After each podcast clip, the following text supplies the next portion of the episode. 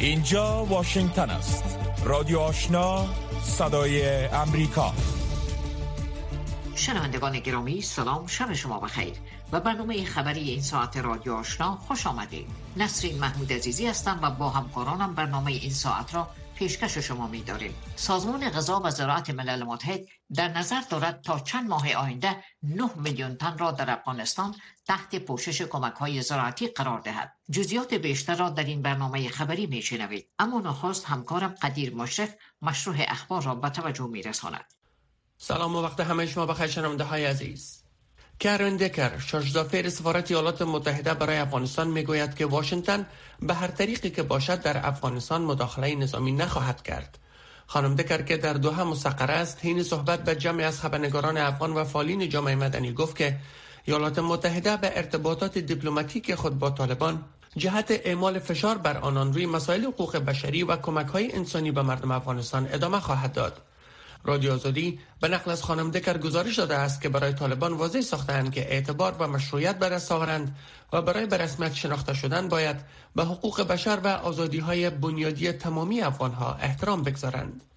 کرن دکر تاکید کرده که رفتن تمامی دختران به مکتب و برقراری امنیت برای همه مردم دو موضوع است که در مورد آن با طالبان گفتگو صورت می‌گیرد. دفتر مهاجرت پناهجویان و شهروندی کانادا روز چهارشنبه از رسیدن 315 پناهجوی افغان به کشور خبر داده گفته است که این پناهجویان از پاکستان به شهر کلگری کانادا رسیدند.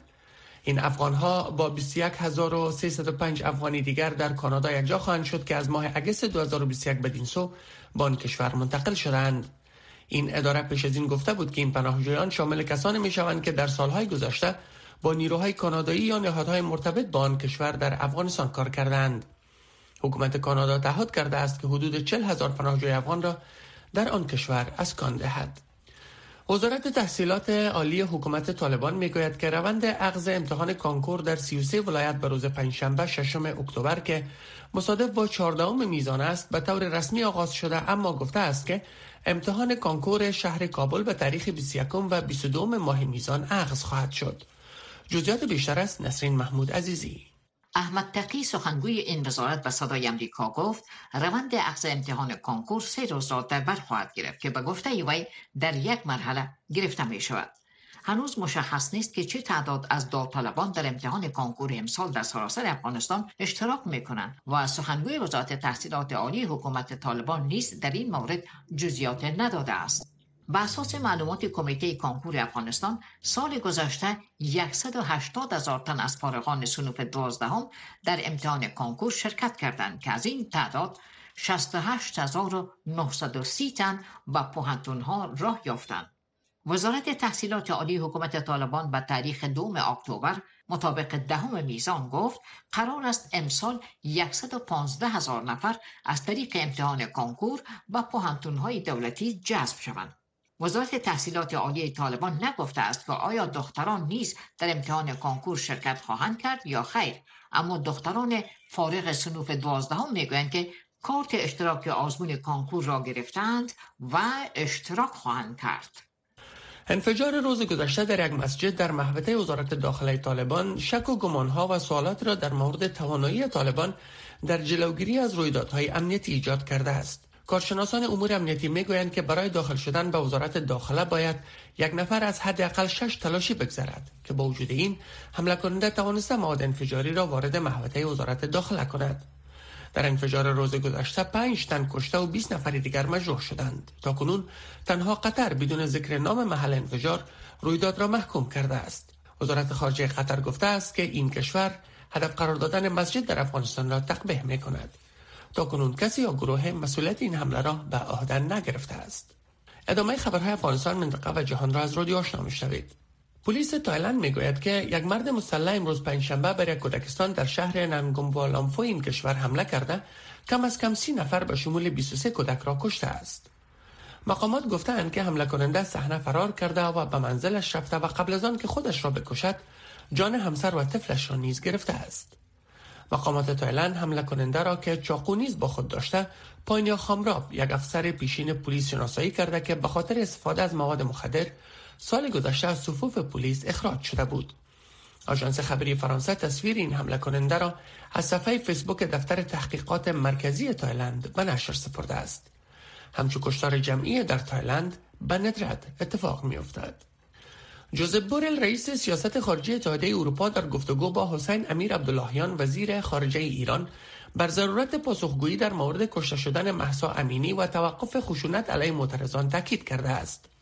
آقای بورل امروز پنجشنبه با انتشار تویت نگاشته است که در این دیدار او بر ضرورت مجاز بودن حق اعتراض و جریان آزاد معلومات تاکید ورزیده گفته است که اتحادیه اروپا در حال بررسی همه گزینه ها است. جوزف بورل افزوده است که در این گفتگو از ایران خواسته است با اداره بین‌المللی انرژی اتمی همکاری کند. ساعت پیش از آن وزیر خارجه جمهوری اسلامی ایران با انتشار بیانیه‌ای درباره این تماس با بورل تهدید کرده بود که اگر اتحادیه اروپا از معترضان در ایران حمایت ولی جمهوری اسلامی اقدام سیاسی کند ایران پاسخ متقابل می دهد. ایران نوارهای ویدیویی دو شهروند فرانسوی را به نشر سپرده که ظاهرا اعتراف می کنند به هدایت یک شبکه خدمات امنیتی فرانسه در مظاهرات شرکت کردند. این نوارها در بهبوهه اعتراضات مستمر در ایران به نشر می رسد که تهران آن را تلاش و توطئه کشورهای بیرونی عنوان کرده است. نوار ویدیویی که امروز پنجشنبه توسط شبکه دولتی خبری ارنا به نشر رسید دو شهروند فرانسه را نشان می دهد که اتحادیه گرایان مرتبط فدراسیون ملی تعلیم فرهنگ و آموزش حرفه‌ای فرانسه اند. اسوشیتد پرس گزارش می دهد که این نوار ویدیویی شبیه سایر ویدیوهایی است که زندانیان را مجبور به اعتراف می کردند. در سال 2020 یک گزارش نشان داد که مقامات در یک دهه گذشته کم از کم نوار 255 اعتراف اجباری را نشر کردند. وزیر خارجه پاکستان می‌گوید که 50 درصد سطح آب در آسیب دیده ترین ایالت این کشور نشست کرده است. اظهارات روز پنجشنبه بلاول بوتو این امیدواری ها را ایجاد کرده که بسیاری از دهخانهای ایالت سند پس از از دست دادن حاصلات پنبه و سایر غلجات در اثر سرازیر شدن های اخیر اکنون قادر خواهند بود تا گندم بکارند و گام به سوی یک زندگی جدید بگذارند. این نخستین بار است که یک مقام ارشد پاکستانی فروکش کردن 50 درصدی آب سیلاب را در سند تایید می کند جایی که 400 هزار نفر در کمپ های امدادرسانی زندگی می کنند. سیلاب های اخیر در پاکستان جان نزدیک به 1700 نفر را گرفته و در کل نزدیک به 30 میلیارد دلار خسارت به این کشور وارد کرده است. کره شمالی امروز پنجشنبه دو میزایل بالستیک برد کوتاه را به سمت آبهای شرقی این کشور پرتاب کرده که ششمین دور آزمایش سلاح کره شمالی در کمتر از دو هفته اخیر می باشد. جزئیات بیشتر از احد عزیزاده این اقدام پس از آن صورت می‌گیرد که ایالات متحده یک کشتی تیراوردار را در پاسخ به پرتاب پیشین یک میزایل توسط کوریای شمالی از فراز ژاپن که توانایی حمل کلاهک هسته‌ای را دارد به نزدیکی شبه جزیره کوریا دوباره مسقر کرد. یون سو یول رئیس جمهور کره جنوبی گفت که کشتی بردار رونالد ریگن امریکا به خاطر دوباره فراخوانده شده است که وضعیت دیپلماتیک در حالت خوبی قرار ندارد. فرماندهی نیروهای امریکایی در اقیانوس آرام گفته است پرتاب این میزایل ها تهدید فوری را متوجه ایالات متحده و یا متحدین آن نمی سازد اما با آن هم تأثیرات بی ثبات سازی برنامه های هسته‌ای و میزایل بلاستیک کوریای شمالی را برجسته می سازد. و تدابیر شدید امنیتی در شهر پراگ پایتخت جمهوری چک قبل از نشست اتحادیه اروپا روی دست گرفته شده است. نشستی که امروز پنجشنبه آغاز شده و در آن رهبران 44 کشور اروپایی حضور خواهند داشت. این نشست زیر نام جامعه سیاسی اروپا برگزار می شود و نشان دهنده همبستگی رهبران این قاره در بهبوهای بحرانهای متعدد است که دامنگیر جامعه اروپایی می باشد. در این نشست بر علاوه 27 کشور عضو اتحادیه اروپا کشورهای غیر عضو و بریتانیا نیز حضور دارند این اجلاس که به ابتکار ایمانوئل مکرون رئیس جمهور فرانسه برگزار می شود به گفته یک دیپلمات اروپایی یک علامت بسیار قوی را به ولادیمیر پوتین رئیس جمهور روسیه میفرستد که مسئول جنگ کنونی در اوکراین است دیپلمات ها می‌گویند که همچو گرد همایی گسترده در اروپا کم نظیر است و این برهه برای ایجاد گروه است که قاره اروپا با پیامدهای جنگ من جمله تهدید صلح و امنیت و بحران انرژی تباهکن اقتصادی دست و پنجه نرم می کند. پایان خبرهای افغانستان منطقه و جهان از رادیو آشنا صدای امریکا شنوندگان گرامی رادیو آشنا صدای امریکا نشرات رادیو آشنا را در موج متوسط 1296 موج کوتاه 11575 اشاری سفر و در موج 972 کیلوهرتز شنیده می توانید. شنوندگان عزیز اخبار افغانستان منطقه و جهان را از رادیو آشنا شنیدید. آن هم توجه نمایید به گزارش هایی که برای شما برگزیده. مظاهرات اخیر زنان در افغانستان پس از انفجار در یک مرکز آموزشی در کابل آغاز گردید که ده تن در آن کشته شدند که اکثرشان دختران مکتب بودند. همچنان این اعتراضات تازه در افغانستان به دنبال تظاهرات زنان در ایران آغاز گردیده که پس از قتل محسا امینی در آن کشور را اندازی گردیده است. در این زمینه همکاران ما خانم نظرانه و فوزی احسان گزارش تهیه کردند که با هم یک جا به آن گوش می دهیم.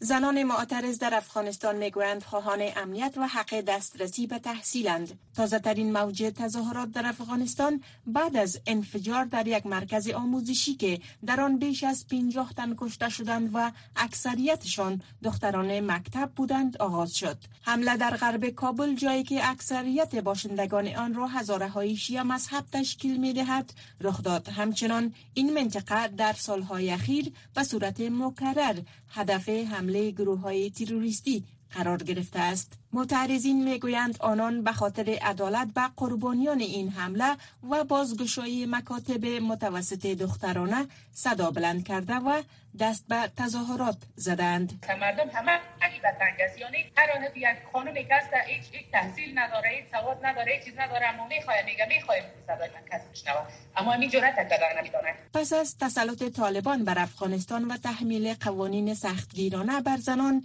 این نخستین باری نیست که زنان در افغانستان به خاطر دسترسی به حقوقشان دست به تظاهرات زدند. یک فعال 36 ساله که در تظاهرات در کابل شرکت کرده است می‌گوید اکثر اوقات اعتراضاتشان را به تنهایی راه اندازی کردند. در بین خانواده و خانواده حمایت نمی‌کنه. یا خانمی که مثلا تظاهرات می‌کنه ما تظاهرات کردیم از نزدیکی ما با ما استاد نشدن. از از از, از اقارب ما با ما استاد نشدن. این در افغانستان برآمدن زن در, در سر سرک بلند کردن صدا در یک خانم این شرم می‌دانند مظاهرات تازه زنان در افغانستان به دنبال تظاهرات گسترده زنان در ایران آغاز شده است.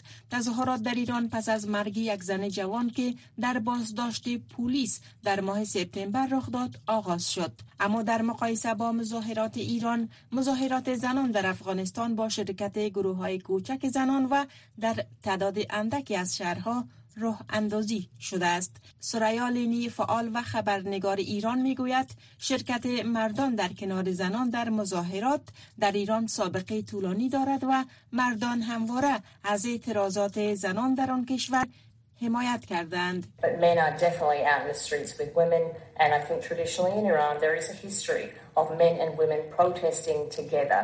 قطعا مردان در کنار زنان در جاده ها هستند و من فکر می کنم این در ایران سابقه دارد که مردان در کنار زنان به اعتراض پرداخته و در تظاهرات با هم شرکت کردند. اما مشابهت های هم در تظاهرات دو کشور وجود دارد.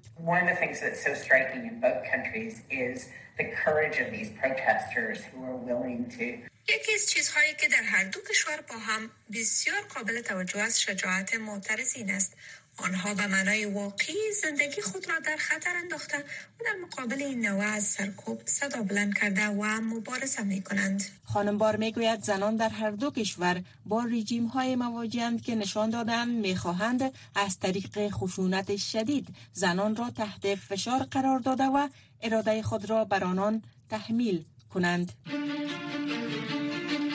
روکو راست صحبت های داغ صاحب نظران در مورد خبرها و مسائل روز هر شام از ساعت 8 تا 9 شب در برنامه مشترک دری و پشتوی رادیو آشنا صدای امریکا بخش زنده این برنامه را در نشرات ماهواره صدای امریکا نیز دنبال کرده می توانید.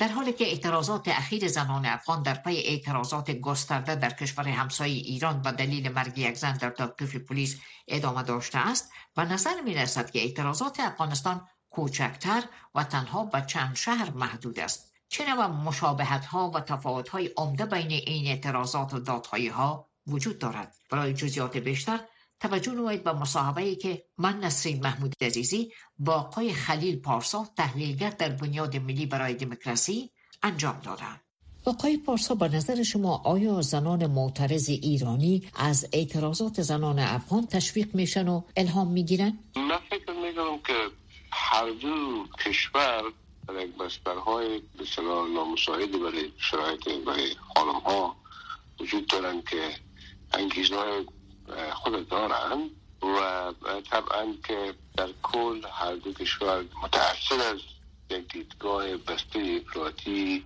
و طالبانی قرار گرفتن که فشار و جبر زمان اونا رو واداشته تا حرکت کنند و صدای خود بلند کنند و اعتراض کنند به وضعیت کنونی. استدلال شما در موردی که چرا زنای افغان تنها به خودی خود اعتراض می‌کنند در حالی که زنان ایرانی از حمایت مردها برخوردار هستند چه خواهد بود؟ شرایطی که در افغانستان ما شاهد از هستیم تقریبا یک یک سال این بستر کرده و شرایط در یعنی زنان در افغانستان در تنگنا قرار گرفتن. پیش از این محدودیت ها در این سطح در افغانستان وجود نداشته. ولی در, در ایران بستر مربوط به چند دهه است که در, در ایران حکومت طالبانیسم در ایران حاکم است و و در طول این سالها مردم ایران به اصطلاح در تحت فشار بودن و جبر تحمل کردن و من فکر می‌کنم که بسترهای مختلفی برای مبارزه در ایران و پشت سر خانم ها در ایران جریان های منتجم و منظمی وجود داره که اونا رو حمایت می‌کنه. شاید ظاهرا اقدر نمایان نباشه ولی این بسترها بیشتر از جریان حوادث هشت سال هشت در ایران که اعتراضات به شکل خیابانی و به شکل گسترده از در ایران بیشتر از او شکل گرفته بوده و این بسترها وجود داشته و چون خانم محسا امینی هم یک بهانه خوبی بود تا که دوباره اعتراضات و صداها بلند بشه و مردم رو به خیابان ها بکشانه من فکر می‌کنم که این بستر قبلی بسیار کمک کرده تا این جریان ها به گسترده باشه و مرد و زن در کنار هم بیستن. ولی در مسئله افغانستان ما هنوز به او بسترها آماده در افغانستان های سیاسی. هنوز ما منسجم و منظم وجود داره در مخالفت با طالبان و نه در بسترهای اجتماعی و فرهنگی وجود داره که برای موضوعات کار, کار شده باشد یعنی از پیش چیزی از قبل تعیین شده نیست و حرکت خودجوش بیشتر در افغانستان حرکت خودجوش از خانم ها است. بله. و در نهایت فکر می‌کنین که آیا اعتراضات در هر دو کشور ادامه خواهد یافت و چه نتایجی به بار خواهد آورد؟ طبعا که اعتراضات ادامه خواهد پیدا کرد و گسترش خواهد پیدا کرد به خاطر از که انسان ها آزاد آفریده شدن و هیچ نوع حسار و محدودیتی نمی‌تونه اونا رو نگاه کنه. امروز نه فردا فردا نه پس فردا اعتراضات گسترده میشه. مگر که تحولاتی و تغییراتی در سیاست های حکومت ها ایجاد بشه تا رضایت نسبی به ایجاد, ایجاد کنن به وجود بیارن؟ در غیر از او اگر با این منوال این حکومت ها بر ظلم خود ادامه بدن طبعا که ترازات گسترش پیدا می‌کنه و صداها با هم میپیونده و این صداها بلندتر میشه. همونطور که شما شاهد هستین که کمپاین مبارزه با نشت کشی در افغانستان بسیار گسترده شده و شاید امروز به حدود چهار میلیون تویت حتی رسیده باشه. یعنی که به شکل گسترده به سطح بین انعکاس کرده و همونطور که مسئله حادثه که در ایران رخ داد به شکل بین شد. در افغانستان هم همچنین این شکل بین به خود گرفته و حامیان خود در سطح بین پیدا کرده. صداها وقتی بلند میشه روز به روز پشیمانی بیشتر به خود می‌گیره. بیماری پولیو در سطح جهان محو گردیده اما افغانستان و پاکستان هنوز هم با این ویروس دست و پنجه نرم می کند تنها راه از بین بردن این بیماری شرکت در کمپاین های تطبیق واکسین پولیوست. کودکان زیر سن پنج سالتان را واکسین کنید تا از فلج در امان بمانند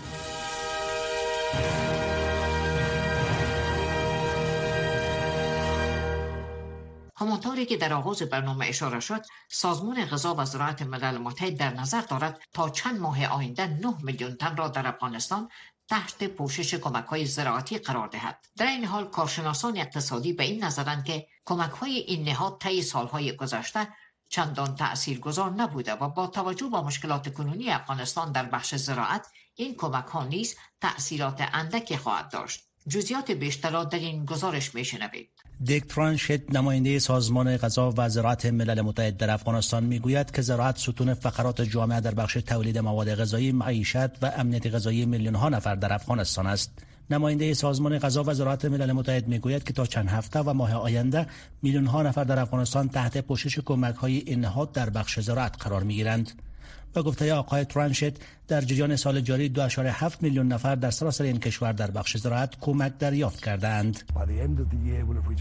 تا پایان سال به بیش از 9 میلیون خواهیم رسید با توجه به اینکه چند هفته آینده چند ماه آینده زمان اوج چرخه زراعتی است و این زمانی است که ما و شرکای غیر دولتی ما باید مطمئن شویم که هر بسته بشردوستانه هر بوری دانه گندم کود دانه سبزیجات و ابزار به دست مردمی برسد که در این کشور شگفتانگیز بیشتر به آن نیاز دارند. نماینده سازمان غذا و زراعت ملل متحد با اشاره به خشکسالی متوالی طی دو سال گذشته و خشکسالی سال روان و احتمالا سال آینده می‌گوید که در حال حاضر زراعت افغانستان بدون شک با مشکل مواجه است. با گفته آقای ترانشت بحران اقتصادی عمیقی که در چند ماه گذشته گریبانگیر مردم افغانستان شده زراعت خانواده های روستایی دهقانان و مالداران را در وضعیت واقعا دشوار قرار داده است. نماینده سازمان غذا و زراعت ملل متحد می‌گوید ما در حال دستیابی به بیش از 300 تا 400 ولسوالی هستیم زیرا سازمان غذا و زراعت ملل متحد قادر است برای حمایت از زراعت و دهقانان در سراسر کشور کار کند. هیچ یک از اینها بدون کار باور نکردنی شرکا سازمان های غیر دولتی ملی و بین المللی ما امکان پذیر نخواهد بود. سازمان غذا و زراعت ملل متحد گفته است که این سازمان با شرکایش تلاش می کنند تا اطمینان حاصل شود که منابع و کمک های دریافتی را می توانند در زمان مناسب و به افراد نیازمند برسانند. این سازمان از حمایت سخاوتمندانه تیف گسترده ای از کمک کنندگان، مؤسسات مالی بین‌المللی و دولت‌ها سپاسگزاری کرده و گفته است که این حمایت ها امسال این سازمان را قادر کرده است که برنامه های خود را در 34 ولایت افغانستان گسترش دهد و اجرایی کند. اما ایسا رضایی استاد اقتصاد گفت که کمک های این سازمان در سالهای گذشته منجر به بهبود وضعیت اقتصادی خانواده ها و دهقانان نشده است و این بار نیز با توجه به خشکسالی، سیلاب ها و زلزله در برخی مناطق افغانستان تاثیر اندک خواهد داشت. به گفته آقای رضایی زراعت افغانستان نیاز به میکانیزه شدن دارد تا منجر به بلند رفتن درآمد اقتصادی دهقانان شود. ماشینالات مکانیکی که مدرنتر است کمک می‌کنه به افزایش تولید در افغانستان. اگر از این قبیل ادوات کشاورزی باشه تاثیرش خوب است. بالای اقتصاد تولید را زیاد خواهد کرد و در نتیجه درآمد تحقین در افغانستان افزایش پیدا می‌کنه اما معلوم نیست که دقیقا برنامه سازمان ملل متحد شامل چه چیزایی خواهد شد. این در حال است که اخیرا سازمان غذا و زراعت ملل متحد و برنامه جهانی غذا با نشر یک گزارش مشترک گفتهاند که با توجه به سطح بلند نیازمندی ها متاثر شدن حاصلات زراعتی و افزایش بهای مواد خوراکی پیش بینی می شود که تا ماه نوامبر سال روان میلادی نزدیک به 6 میلیون افغان با وضعیت اضطراری گرسنگی مواجه شوند.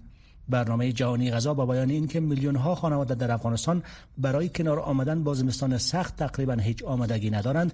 گفته است که برای کمک با این خانواده ها در فصل سرما به یک اشاره یک میلیارد دلار نیاز است.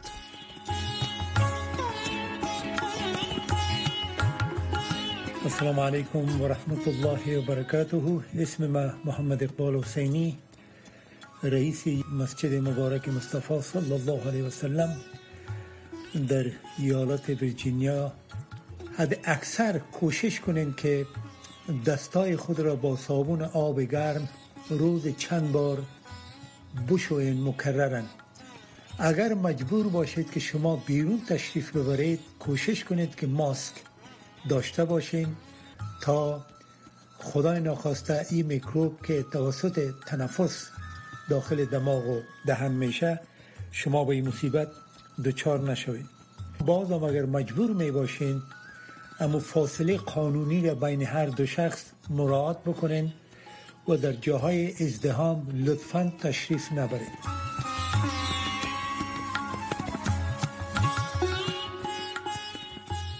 و این هم آخرین گزارش این بخش. سازمان تجارت جهانی پیش بینی می کند که رشد تجارت جهانی در سال 2023 به شدت کاهش خواهد یافت. و به یک درصد خواهد رسید که از بالاترین حد انتظار 3.5 درصدی در سال جاری تقلیل خواهد کرد. لیزا اشلاین خبرنگار صدا امریکا گزارشی دارد که عبدالواجد عادل به توجه می رساند. اقتصاددانان سازمان تجارت جهانی می‌گویند تجارت نقش کلیدی در حفظ اقتصاد جهانی در سرتاسر سر دوران همگیری کووید 19 داشته است آنها خاطر نشان می کنند در حالی که تجارت اجناس در دوران قرنطینه ها در سال 2020 کاهش یافت اما متوقع آن بهبود یافت و غذا، ادویه و سایر اموال مورد ضرورت جهان را تامین کرد. با این حال اقتصاددانان می‌گویند که بحرانهای چند جانبه از جمله همگیری شوکهای اقلیمی و جنگ در اوکراین همچنان باعث اختلال در زنجیره تأمین می شود آنها خاطر نشان می کنند که سیاست های مالی و پولی و فشارهای تورمی باعث افزایش قیمت انرژی و اموال می شود آنها می‌گویند با ویژه کشورهای در حال توسعه کم درآمد با خطرات جدی ناشی از ناامنی و مشکلات ادای وامهایشان روبرو هستند. نگوزی اوکونجو اویلا رئیس عمومی سازمان تجارت جهانی می‌گوید که بیشتر مناطق به استثنای افریقا و شرق میانه احتمالا رشد یک اندازه مثبت صادرات را در سال 2023 ثبت خواهند کرد. و می‌گوید لیکن هر دو منطقه یاد شده رشد صادرات منفی را تجربه خواهند کرد. ویلا می افزاید انتظار می رود تولید ناخالص داخلی جهان در سال آینده به 2.3 درصد کاهش یابد که تقریبا یک درصد کامل از برآورد قبلی سازمان تجارت جهانی پایین تر است. پالیسی سازان در تلاش برای یافتن تعادل دلخواه در میان مبارزه با تورم، حفظ اشتغال و پیشبرد اهداف مهم سیاسی مانند گذار به انرژی پاکتر با انتخاب های غیر قابل دلخواهشان روبرو هستند. محدودیت های تجارتی ممکن است یک پاسخ وسوسه انگیز در برابر مشکلات اقتصادی باشد اما این موضوع تنها فشار تورمی را افزایش بخشیده و معیارهای معیشتی را کاهش میده گوزی و کنج و اولا می‌گوید تجارت آزاد باعث رشد می شود و می تواند به جلوگیری از افزایش قیمت ها کمک کند. به عنوان مثال او می‌گوید باز نگه داشتن بازارها برای تجارت مواد غذایی دسترسی به مواد غذایی ضروری افزایش می دهد و فشار نزولی بر قیمت ها را حفظ می کند کارهای نظارتی ما بر تجارت مواد غذایی به برخی از عقب های اخیر در محدودیت ها اشاره کرده. بنابراین ما باید هوشیار باشیم. با نگاه با آینده پاسخ بهتر با آسیب پذیری های زنجیره تأمین که در دو سال گذشته معروض گردیده بودند ایجاد یک پایگاه متنوعتر و کمتر متمرکز برای تولید اجناس و خدمات می باشد او می‌گوید متنوع سازی رشد اقتصادی را تقویت می کند و به انعطاف پذیری عرضه و ثبات قیمت ها کمک می نماید. ویلا می‌گوید این می تواند به رفع مشکلات اقتصادی فعلی و آینده نیز کمک کند روک و راست صحبت های داغ صاحب نظران در مورد خبرها و مسائل روز هر شام از ساعت 8 تا 9 شب در برنامه مشترک دری و پشتوی رادیو آشنا صدای امریکا. بخش زنده این برنامه را در نشرات ماهواره صدای امریکا نیز دنبال کرده می توانید